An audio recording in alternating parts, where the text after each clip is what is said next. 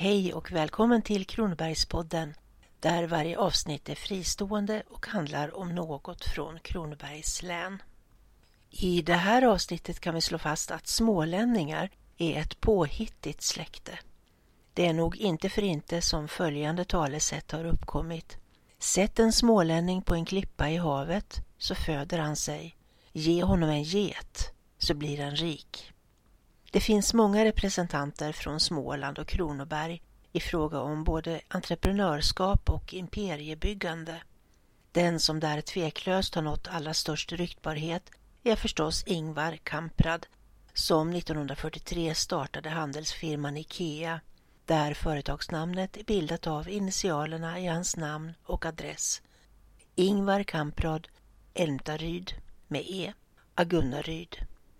En annan begåvad entreprenör var Olle Blomqvist. Även om han själv som person kanske inte blev lika känd som Kamprad torde hans livs skapelse vara bekant för de allra flesta. För vem har inte hört talas om postorderföretaget Ellos?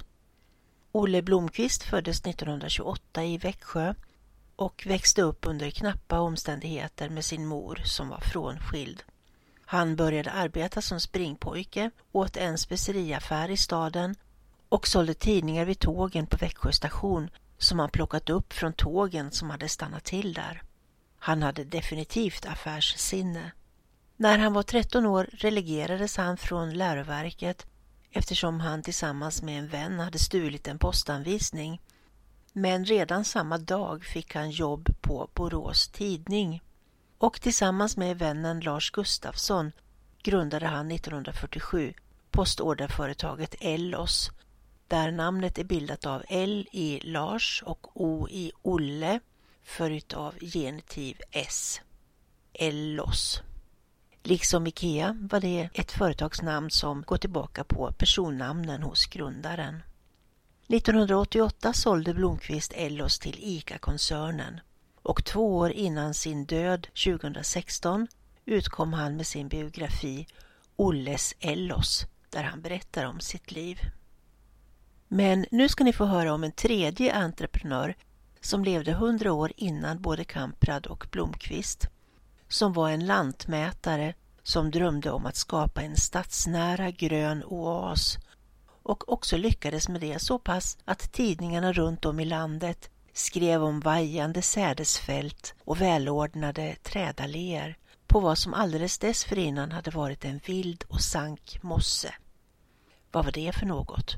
Jo, Spetsamossen i Växjö, som förr i tiden var en sumpluktande vidsträckt sankmark som sträckte sig från Dalbo i norr och ner till nuvarande Växjö stadsbibliotek i söder och i motsvarande längdriktning från den numera upprivna smalspåriga järnvägen i väster och ända bort till Kungsvägen i öster. Denna sumpmark är numera dränerad men ännu på 1950-talet var den så pass vattenfylld att man fick gå på smala spångar över eller hoppa över vattenfyllda diken ifall man på egen risk ville ta sig fram och där man i dess sydligaste del just där stadsbiblioteket är beläget, även kunde bada eftersom sumpmarken precis här var en liten sjö som på gamla kartor benämns Gölen.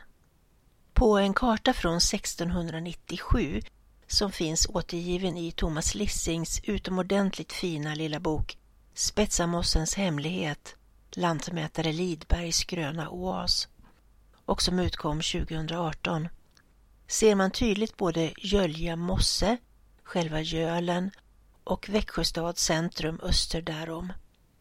Där framgår att Spetsamossen till ytan var ännu större än hela den dåvarande centrala staden. Den var fuktig och råkall med spöklika dimslöjor vilande tätt mot marken och bevuxen med små porsbuskar, kråkris och sparsamt växande tallar av dvärgartat utseende. Stillastående sump spred sina illaluktande dunster av gyttja och dy och hela området betraktades faktiskt som så osunt och hälsofarligt att Växjö stad redan i början av 1800-talet ville dyka ut och odla upp det. Växjö stads odlingsdirektion skrev om mossen i sin inventering av den år 1815 att den hade ett ängsligt och ofruktbart utseende och ett grannskap av frostiga dimnästen samt att den bildar sig till en stillastående sump som kastar sina gyttjoångor i sjuklighet och obehag över stadens invånare.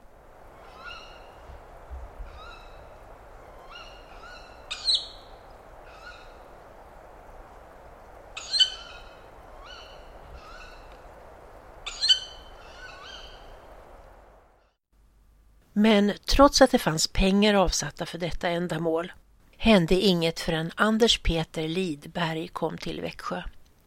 Han kom som 17-åring från Jönköping för att studera vid Växjö gymnasium som var inrymt i Karolinerhuset strax in till domkyrkan. Han hade tur som kom just då, för bara några månader därefter utbröt i hans hemstad den förödande koleraepidemi som 1834 härjade Jönköping och på en enda månad dödade 600 personer, en sjättedel av stadens befolkning. Väl på plats i Växjö fick han såväl inackordering som vid sidan av studierna anställning som kypare hos enkefru Bäckström som drev en populär källarservering vid Stortorget. Det dröjde inte länge förrän han också fick ta hand om bokföringen för Marie Bäckströms servering och därigenom fick han titeln bokhållare. Han lät också bygga ett litet kallbadhus i Växjösjön, ungefär där Vattentorget finns idag, strax söder om domkyrkan. Och från år 1840 hade han där simundervisning för de som ville lära sig att både simma och dyka. Så småningom blev han lantmätare, bildade familj och rotade sig i staden. Hans bror Janne hade varit i Amerika och kommit hem med drygt 12 kilo guld. Guld som till största delen bestod av guldstoft och som därför bankerna inte ville lösa in. Då gjorde Janne tillsammans med Anders och svågen Karl, som råkade vara guldsmed, något självsvåldigt. De smälte ner guldet till fem större och mindre tackor som senare såldes till Sveriges riksbank i Stockholm för 23 000 riksdaler och för bland annat lånade pengar av brodern Janne, som ju var förmögen, köpte Anders 1858 den 30 tunnland stora Spetsamossen för 900 riksdaler med löfte till Växjö stads hushållskommitté att inom 17 år uppdika mossen så pass att den blev lämplig att beså med säd och gräs. Lidberg skred genast till verket och i tur och ordning dikade han, harvade och brände i omgångar med hjälp av anställda drängar och pigor. Under nästföljande sommar la han på sand och en svag gödselblandning. Därefter kunde mossjorden tas i bruk och olika växtslag alternerades med periodvis träda. Lidberg odlade havre, råg, potatis, lin, ärtor, bönor, senap, morötter, kummin och gurkor den uppdikade spetsamossen gick nu under namnet experimentalfältet Mosshem och gölen döptes om till Hulda sjö. Och Lidberg lät samma år uppföra ett litet badhus ute i sjön som var särskilt avsett för kvinnor och anställde dessutom en simlärarinna från Jönköping som skulle lära flickor att simma. Denna så kallade Mosshems badinrättning fanns precis där Växjö stadsbibliotek idag är beläget. Efter bara tre år, 1861, var hela mossen uppodlad och överallt fanns korsande promenadvägar som kantades av hundratals nyplanterade träd av olika slag. När hushållskommitténs styrelse kom på besiktning kunde den konstatera att alla mål hade uppfyllts och att man inte kunde annat än vitsorda företaget. Som tack gav man en kaffekanna och en gräddskål i silver värt 200 riksdaler som gåva till Lidberg. Vilket kan jämföras med vad han själv hade lagt ner i sitt projekt. Han uppskattade att han hade bekostat omkring 24 000 riksdaler ur egen ficka, vilket är ett mångmiljonbelopp omräknat till dagens penningvärde. Lidberg bjöd på en storslagen fest för närmare 250 personer på sin gård på Ringsberg. där Ringsbergsskolan och Regionteatern håller till idag, för att fira det nya Mosshems tillblivelse. Det hölls tal, kanoner saluterade med 32 skott och landshövding Mörner invigde kalaset. Till och med Aftonbladet skrev om händelsen.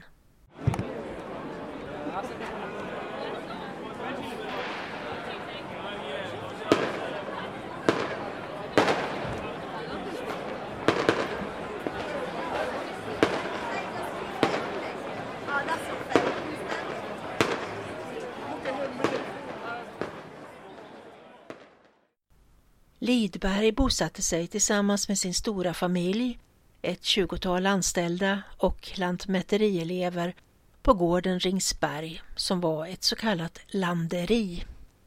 Väster därom sträckte Mosshems odlingar ut sig. Lidberg blev en aktad medborgare inom Växjös borgarklass och societet.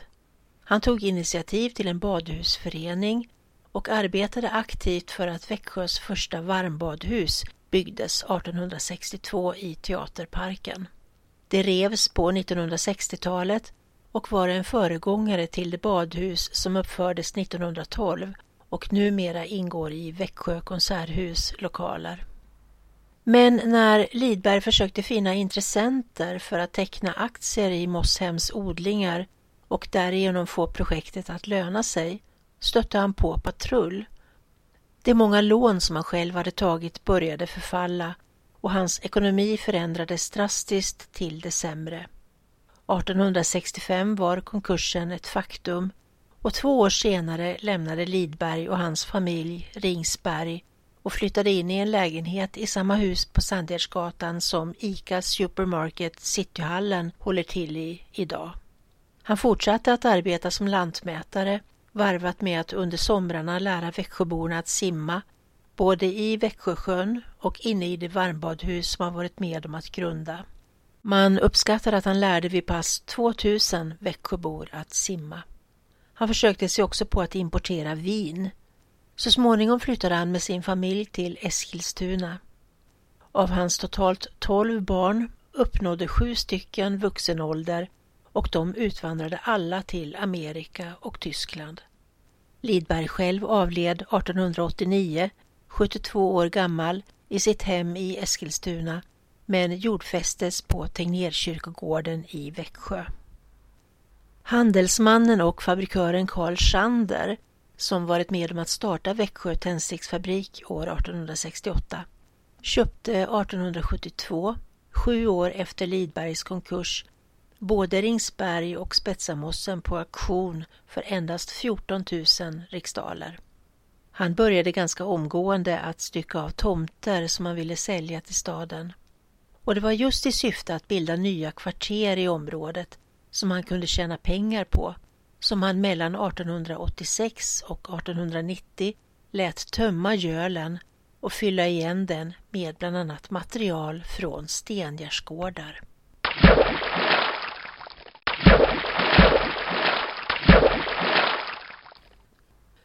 År 1891 belade staden denna plats med byggnadsförbud för all framtid.